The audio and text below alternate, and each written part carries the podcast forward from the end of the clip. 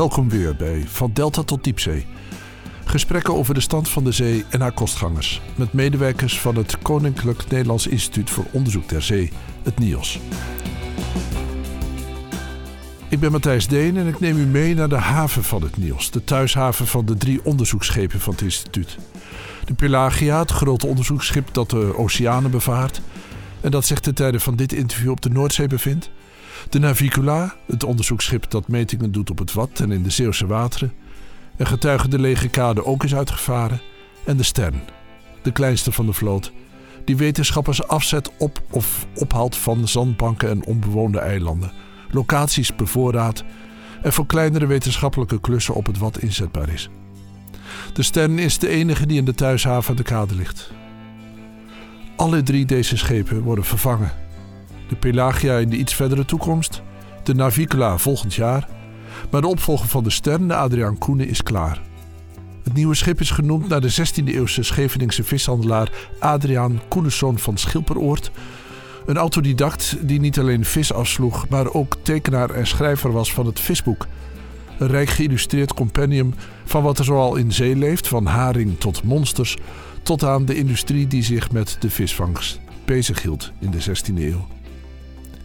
In de Nieuwshaven tref ik Wim-Jan Boon, de schipper van de Stern, die me meeneemt aan boord van het scheepje dat bijna een halve eeuw dienst heeft gedaan.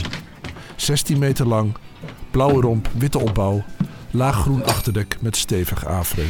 Ja, dit is een, eh, een stap terug in de tijd. het is echt een scheepsluchtje. Het is diesel, smeerolie, zoutwater. Ze is aan vervanging toe. Oude boot. En Wim-Jan Boon telt de dagen tot het moment dat hij met haar opvolger de haven zal binnenlopen. De Adriaan Koenen zal een week na ons gesprek voor het eerste oversteek maken van de werf in Lauwersoog naar haar thuishaven op Texel. We zitten op het achterdek van het schip dat met pensioen gaat. En ik stel Wim Jan, geboren eilander, de vraag wat hij ziet als hij naar zee kijkt. Veel water. Is dat alles? Nee, dat is niet alles, maar dat is natuurlijk het eerste wat je, wat je direct ziet.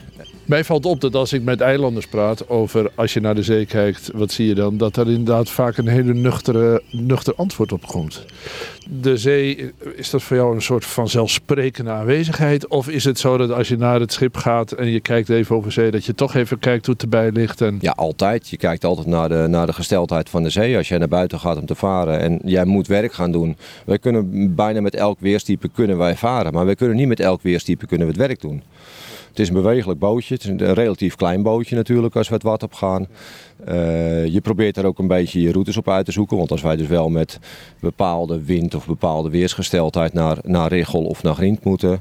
En we weten dat we daar wel kunnen werken. Maar we moeten hier ook moeten we over het water heen om daar te komen. Dus het moet wel kunnen allemaal. Het moet wel verantwoord zijn. Een Tesselse familie. Boon is ook echt een mooie Tesselse naam. Het is, werd er ook gevaar in jouw familie? Uh, mijn overgrootvader, wat overigens geen boon was, maar een duimker, die was uh, zeegrasvisser. Dus die heb tot half jaren 30 heb in de zeegrasvisserij gezeten. met de Zuiderzeestoon heeft hij, omdat de zeegrasvisserij ophield te bestaan, omdat zeegras verdween, is hij een loonbedrijf begonnen. En dat bestaat ook nog steeds. Ik ben met het water in aanraking gekomen door middel van mijn vader. Mijn vader was machinist hier op de elektriciteitscentrale, maar een van zijn hobby's was duiken. Op de wrakken die hiervoor lagen. Dus als kind ging ik altijd mee. En aan het eind van de rit, als de mannen klaar waren met duiken, dan wouden ze een, een juttertje of een borreltje. En dan moest ik terugvaren. Onder het mom van heel veel commentaar van het achterdek. En dan die manier heb ik eigenlijk leren varen. Is dat een goede leerschool? Het is een uh, vrij uh, steile leercurve.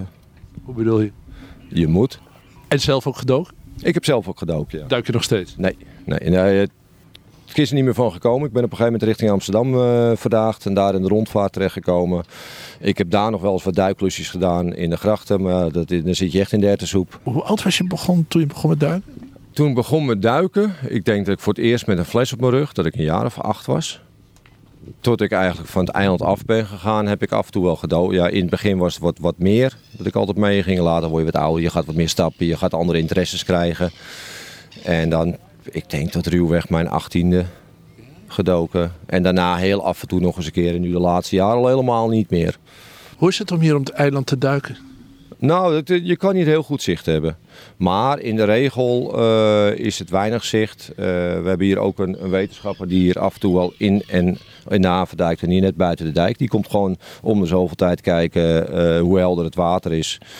En wij hebben ook wel meegemaakt met metingen dat wij zicht hadden tot 7,5 meter hier. En dat, dat is wel heel exceptioneel hoor.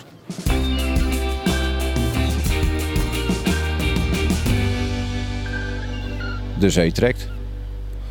En dat, dat doet het altijd. Voor mij ook als ik de haven uitvaar, ongeacht wat voor weer er is, er valt heel veel van je af. Dat is, uh, ja, je bent even in een andere wereld. Wat gebeurt er dan eigenlijk? Je, je bent los van de verantwoordelijkheid? Wat? Nee, je bent niet los van verantwoordelijkheden. Want je verantwoordelijkheden heb je natuurlijk aan boord van het schip. over de, het schip zelf en de opstappers en het werk wat je daarna doet. Ja, hoe, wat gebeurt er? Ik weet het niet. Je, je bent met wat anders bezig. Ja, je hebt natuurlijk een hele beperkte wereld. Je hebt het, je hebt het schip, daar, daar moet je voor zorgen. Je moet je gewoon aan de regels houden en dan komt alles in orde. In principe wel. Dat zijn de factoren die je zelf in de hand hebt. En dan heb je natuurlijk factoren die van buiten die je niet in de hand hebt. Het is niet altijd dat het vanzelfsprekend goed komt. Maar je moet je inderdaad gewoon aan de regels houden. Nee, maar ik moet eraan denken dat je, dat je ook heel veel gewoon in de praktijk hebt geleerd. Als je als uh, zo jong wordt meegenomen, zo jong aan het roer wordt gezet om thuis te varen. Dat is natuurlijk ook een goede leerschool. Het is zeker een goede leerschool. Maar ja, de Waddenzee, daar leer je gewoon elke dag nog. Het is een dynamisch uh, gebied. En ook gebieden waar wij varen. Je hebt natuurlijk de vaargeulen waar het merendeel van de schepen zitten. Maar wij zitten ook heel veel buiten de vaargeulen op ondieptes. En dat moet je gewoon zelf elke keer weer uh, ontdekken. Als je zegt, uh, ik leer elke dag van de Waddenzee, waar, denk je dan aan? Nou, gebieden, wat je kan bereiken, wat je kan doen, met welke omstandigheden. De disciplines die wij doen, die veranderen ook natuurlijk uh, in de loop der tijd. Uh, waar je voorheen alleen met het bootje ging vissen of een wetenschapper naar een zandbank bracht, ben je nou veel meer apparatuur aan het wegzetten. Dus landers ook, uh, verankeringen.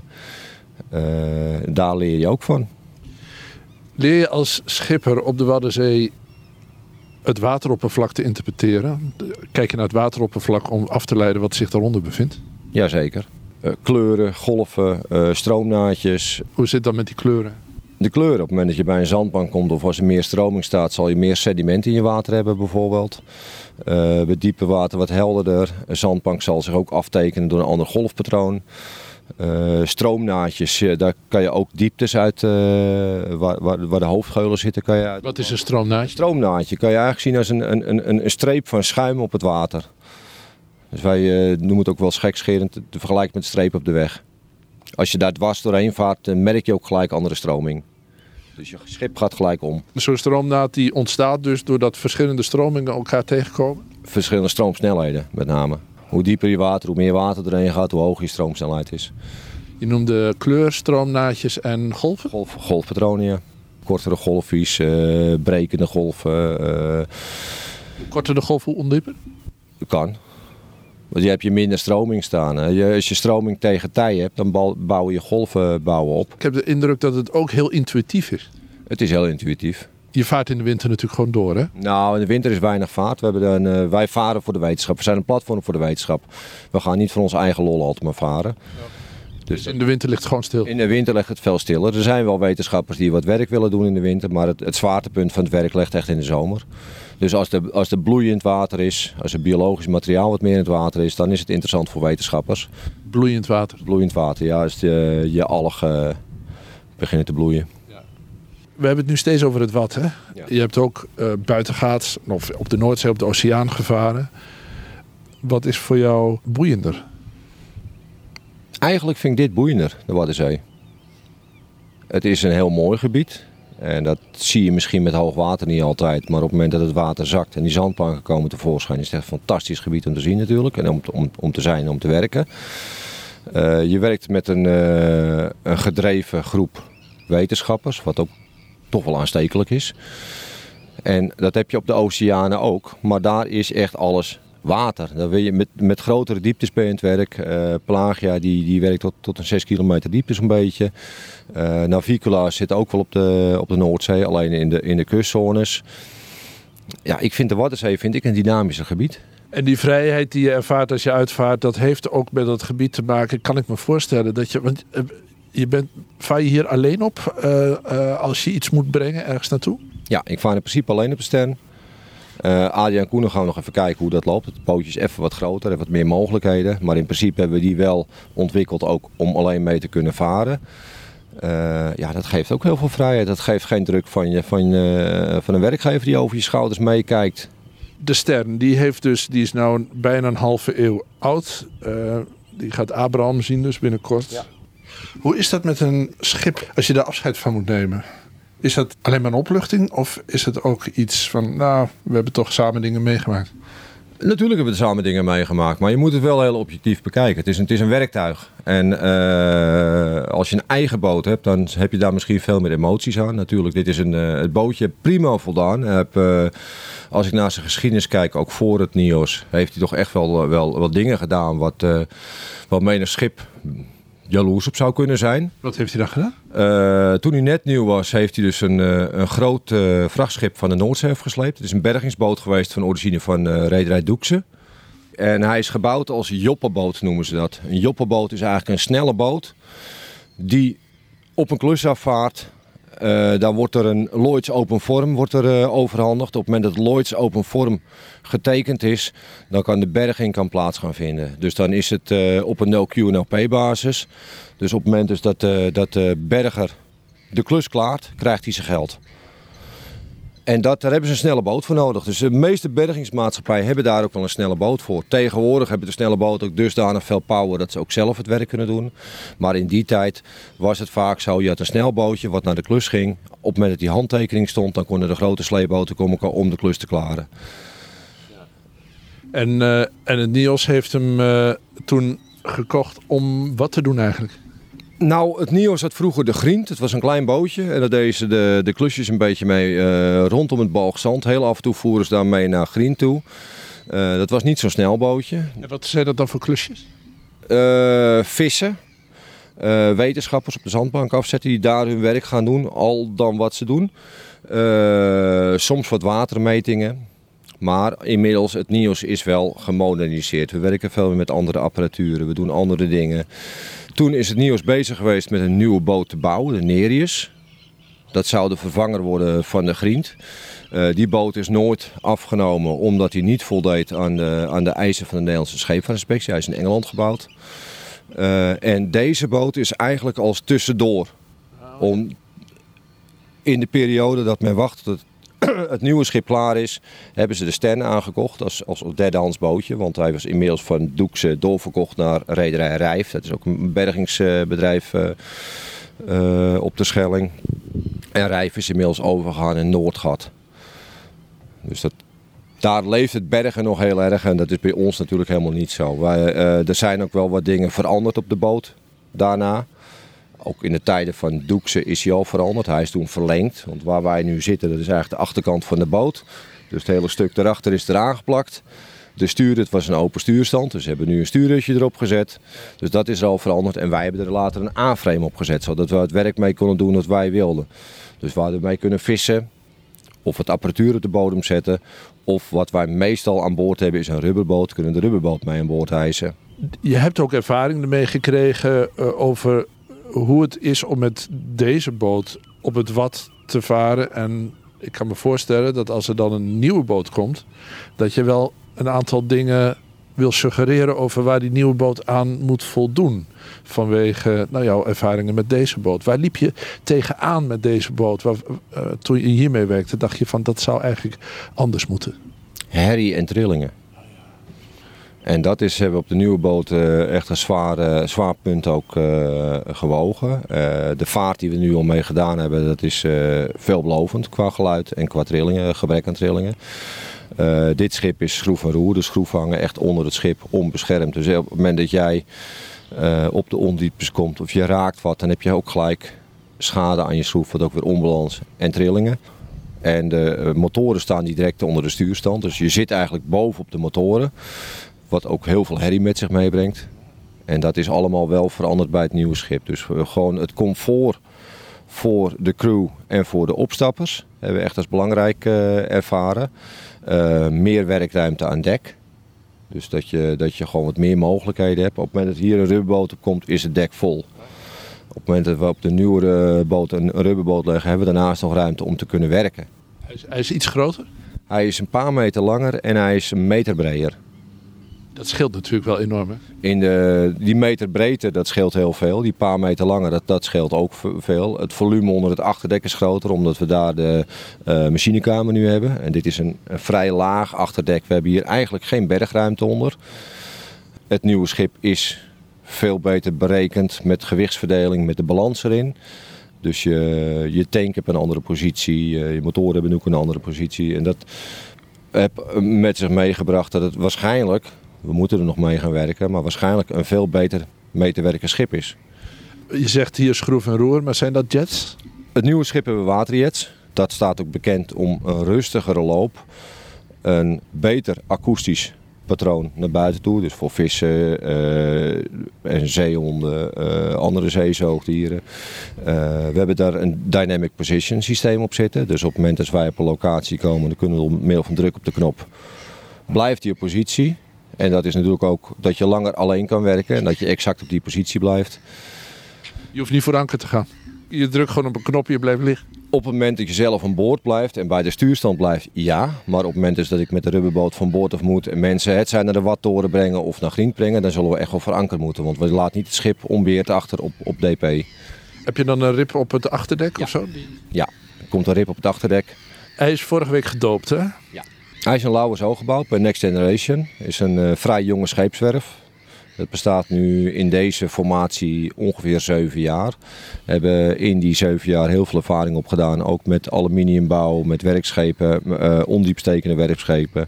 Het schip heb ik ja, vanaf het ontwerp gezien. Ik ben bij uh, het ontwerp ook sommige keren wel bij geweest. Gedurende de bouw zijn we natuurlijk regelmatig naar de werf gegaan. En zeker de laatste tijd, op het moment dat er steeds meer uh, systemen opgestart worden, moet je er toch heen om om er kennis van te nemen. Wat bedoel je met een systeem opstarten? Uh, elektronica, uh, de stroomvoorziening aan boord. Het is een schoner schip als dit. Wij draaien hier gewoon op rode, rode diesel. Het nieuwe schip gaat volledig op HVO draaien, HVO 100. Dus het is een plantaardige brandstof. Ook de smeermiddelen zijn allemaal biologisch afbreekbaar. Er zitten zonnepanelen op voor stroomvoorziening. Je hele stroomvoorziening aan boord is wat, wat omvattend, meer omvattender als dit. Wij hebben hier de hoofdmotoren, die zorgen ook voor de stroom op mensen draaien. We hebben één omvormertje, zodat we daar 220 van kunnen krijgen. Dus uh, de stroom voor de wetenschap is ook heel sumier. Uh, dat was ook een van de wensen van de wetenschap, omdat ze meer metingen willen doen. Dat heb gewoon ook de apparatuur heeft stroom nodig. Dus er wordt veel meer naar gekeken. Het is wel een wat complexer schip geworden, maar er is prima mee te werken.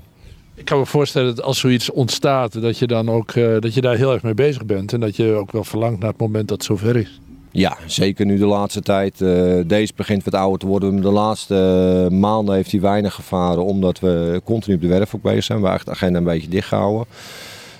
ik heb er van de week mee gevaren. De, omdat hij lang stil legt, hè, behoorlijke aangroei krijgt. Dus dat, dat merk je wel.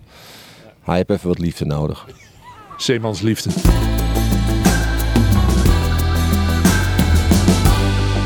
Op de Pelagia varen, dat betekende eigenlijk een totaal andere discipline. Hè? Want je bent matroos, je bent onderdeel van de bemanning, je bent veel langer onderweg. Wat was daar leuk aan op de Pelagia? De sfeer was heel leuk. Uit alle hoeken van de wetenschap kregen we mensen mee. Je gaat naar mooie gebieden toe. Ik heb de start meegemaakt. Dus ik ben van Texel Even kijken, via de Azores zijn we de plas overgestoken. Toen hebben we voor de kust van Brazilië hebben gewerkt. Onder de Caribische eilanden door naar Curaçao, daar ben ik afgestapt. Later ben ik weer op Sint Maarten opgestapt. Sint Maarten, Golf van Mexico, uh, naar de Bahama's. Toen zijn wij langs de Noord-Amerikaanse kust omhoog getrokken. Daar hebben wij op de nacht van 14 op 15 april hebben we recht boven de Titanic hebben we ook gelegen. Dat is ook de datum dat die vergaan is. En van die positie zijn wij doorgegaan naar Zuidwest-Ierland. Dus ik heb zelf de Atlantische Oceanen mee rondgevaren. Ja, het grappige is dat je, als je het hebt over op het wat varen, dat je het over de zee zelf hebt, over de dynamiek. Als je het over de Pelagia hebt, heb je het vooral over de bestemmingen.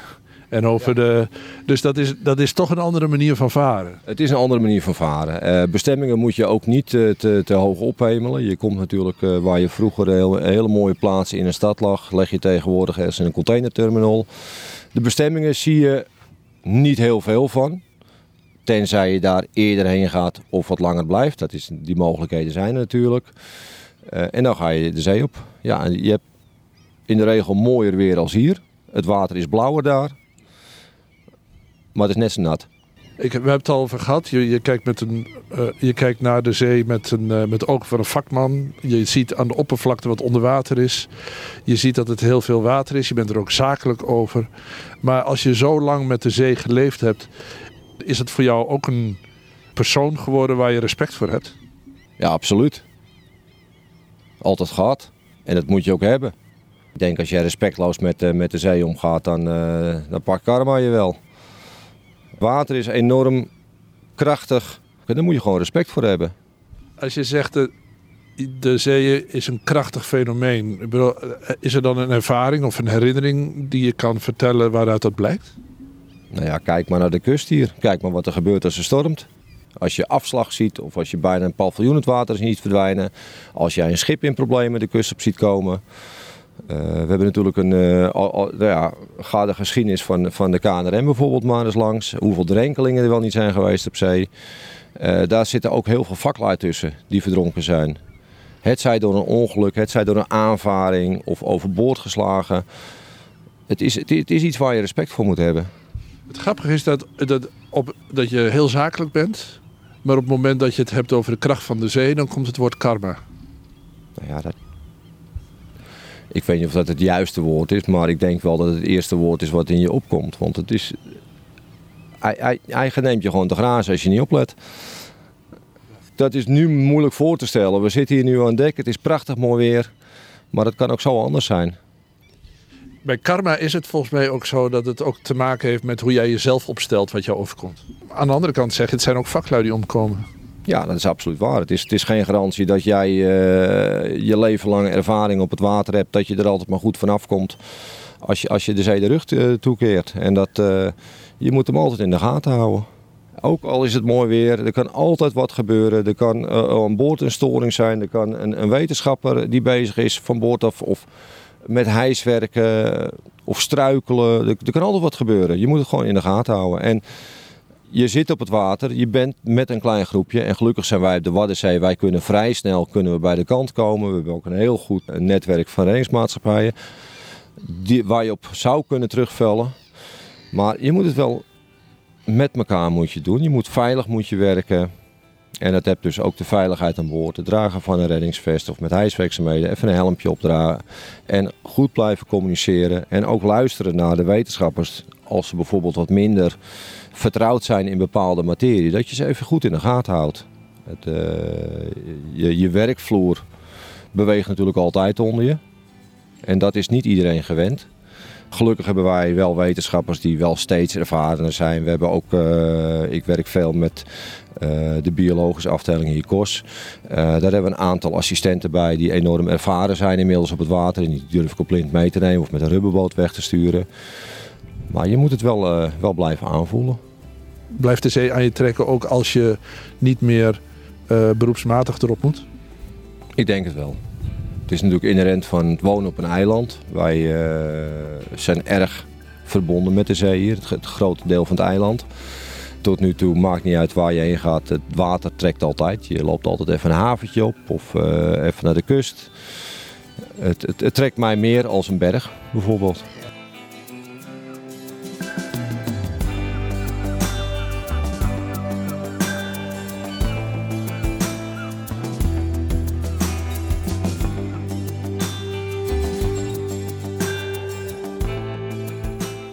Dit was van Delta tot Diepzee.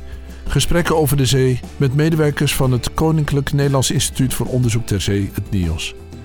Deze keer sprak ik met schipper Wim-Jan Boon over de vertrekkende Stern en het nieuwe schip de Adriaan Koenen. De muziek is gemaakt door Matthijs Duringhoff en ik ben Matthijs Deen. Als u zich abonneert op Van Delta tot Diepzee, ontvangt u elke maand een nieuwe aflevering van het NIOS.